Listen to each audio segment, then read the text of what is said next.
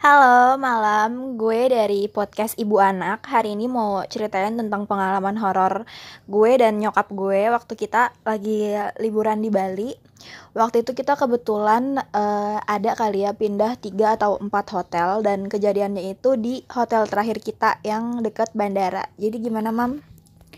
Ya di hotel yang terakhir itu kebetulan kita memang uh, apa nginepnya itu dua hari, mau dua hari dua malam.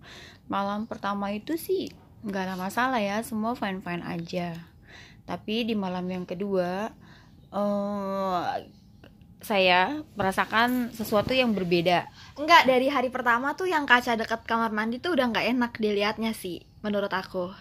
Ya, memang betul. Dari awal itu memang uh, auranya dari hotel itu hotel terakhir itu memang udah nggak enak, udah nggak seperti hotel yang dua sebelumnya gitu kan. Emang hotelnya hotel tua kan, soalnya kan emang cuma ngincar deket bandara aja. Kan bandara bandara Bali agak jauh ya dari kota.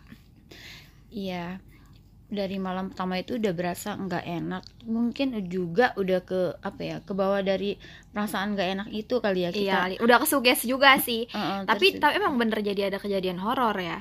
Uh, uh, jadi ada kejadian horornya di malam yang kedua. Nah saat itu uh, kira-kira jam berapa ya? Jam, jam 12 kali jam tengah malam gitu sih. tengah malam gitu ya mungkin. Uh, apa anak saya yang kecil udah tidur. Jadi udah, udah tidur semua. udah tidur semua. Tapi uh, saya terbangun kira-kira jam 12an gitu saya kebangun. Kok ada suara binatang suara kucing gitu suara kucing di tengah-tengah itu di tengah-tengah lorong-lorong hotel itu. Nah uh, dalam pikiran saya saya memang sih udah sering kan nginep juga di uh, hotel yang bernuansa nuansanya tuh agak-agak horor gitu. Jadi uh, nyokap gue tuh emang kayak agak sensitif gitu. Nah kebetulan gue nggak sensitif sih, tapi kadang-kadang ya kita kayak bisa, oh ya kok sama ya gitu. Ya, jadi cuma dalam hati, dalam hati kebetulan kemarin saya tuh pikir gini, uh, karena saya merasakan anak saya yang pertama ini agak sensitif juga kayak seperti saya. Jadi saya merasa, saya bilang dalam hati saya cuma bilang e, semoga dia nggak nggak dengar dan semoga dia nggak nyamperin ke pintu gitu untuk melihat suara apa gitu.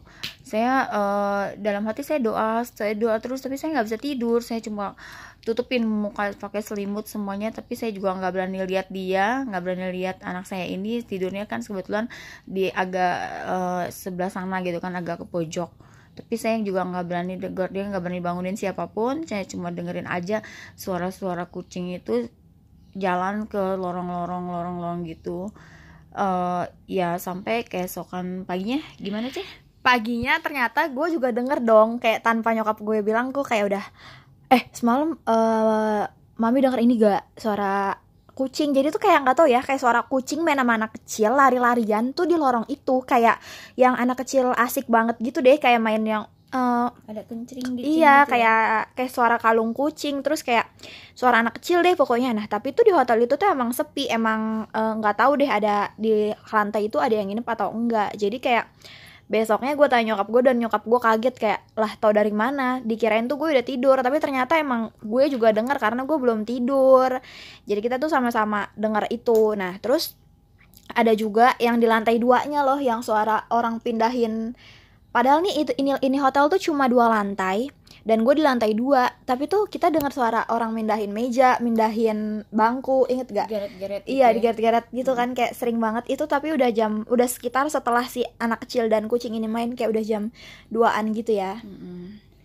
Ya terus uh, ya udahlah karena saya saya takut cuma saya takutin nih anak saya ini uh, soalnya kan orangnya juga pernah suka penasaran dia ngintip kalau misalnya dia ngintip udah saya tak, paling takut kayak cuma dalam hati doa aja dia jangan ngintip gitu nah, nah. karena karena nyokap gue punya cerita tentang temannya juga di Bali pas ada kejadian kayak gitu juga ya Mi gimana ya waktu itu Ya saat itu uh, nginepnya ya di salah satu hotel juga lah ya. Hotel. Tapi ini hotelnya bagus kan dari kantor ya? Ya itu bintang lima ya? Bintang lima punya memang kebetulan kayak itu. Itu ada suara tengah malam tuh ada suara gamelan, suara gamelan. Uh, kita kan memang ada dari kantor tuh ada berapa puluh orang gitulah ya. Uh, akhirnya satu kamar itu kan berdua berdua. Terus Uh, dari salah satu kamar itu saya juga dengar memang ada suara gamelan. Tapi ternyata uh, rekan saya itu dari yang kamar sebelah ya dia penasaran dia intip dia intip suara gamelan itu karena memang deket sekali dengan jendela kamarnya. Saya juga dengar sih memang deket jendela kamar. Kebetulan mungkin saya sama dia aja yang dengar dan dia sempat ngintip. Tengah malam itu dia jerit dia menjerit dia ketakutan ya ternyata dia melihat sesuatu yang menyeramkan gitu. Itu besokan paginya sampai heboh semuanya gitu. Dia lihat apa nih ceritain? Dia lihat uh, semacam leak, ya? Kayak leak gitu Nah, ya. kayak raksasa gitu. Raksasa matanya merah menyala. Dia jerit dia pingsan. Tapi kita ya walaupun di kamar sebelah cuma kita nggak berani nyamperin dong kayak udah kita uh, biasa aja sampai keesokan paginya uh, heboh cerita semuanya baru dia bisa cerita kalau tengah malam itu dia dengar suara gamelan tapi Ya. emang pada hari itu kan mami cerita ada emang ada ritual apa gitu di Bali ya lagi ada apa sih ya ada lagi ada hari spesial ada Bali gitu acara. lupa deh galungan atau apa saat itu Heeh. yang emang ada acara di Balinya sendiri gitu Mm-mm, kayaknya sih memang kayak semacam mm, apa ya pemanggilan untuk atau ucap upacara untuk eh, Menghormati. menghormati leak-leak arwah di- leluhur itu ya. Mm-mm, kayak gitu. gitu. Gitu aja sih cerita pengalaman kita di Bali. Eh, nanti kita bahas lagi tentang pengalaman-pengalaman yang lain. Dengerin terus podcast ibu anak. Dah. Dah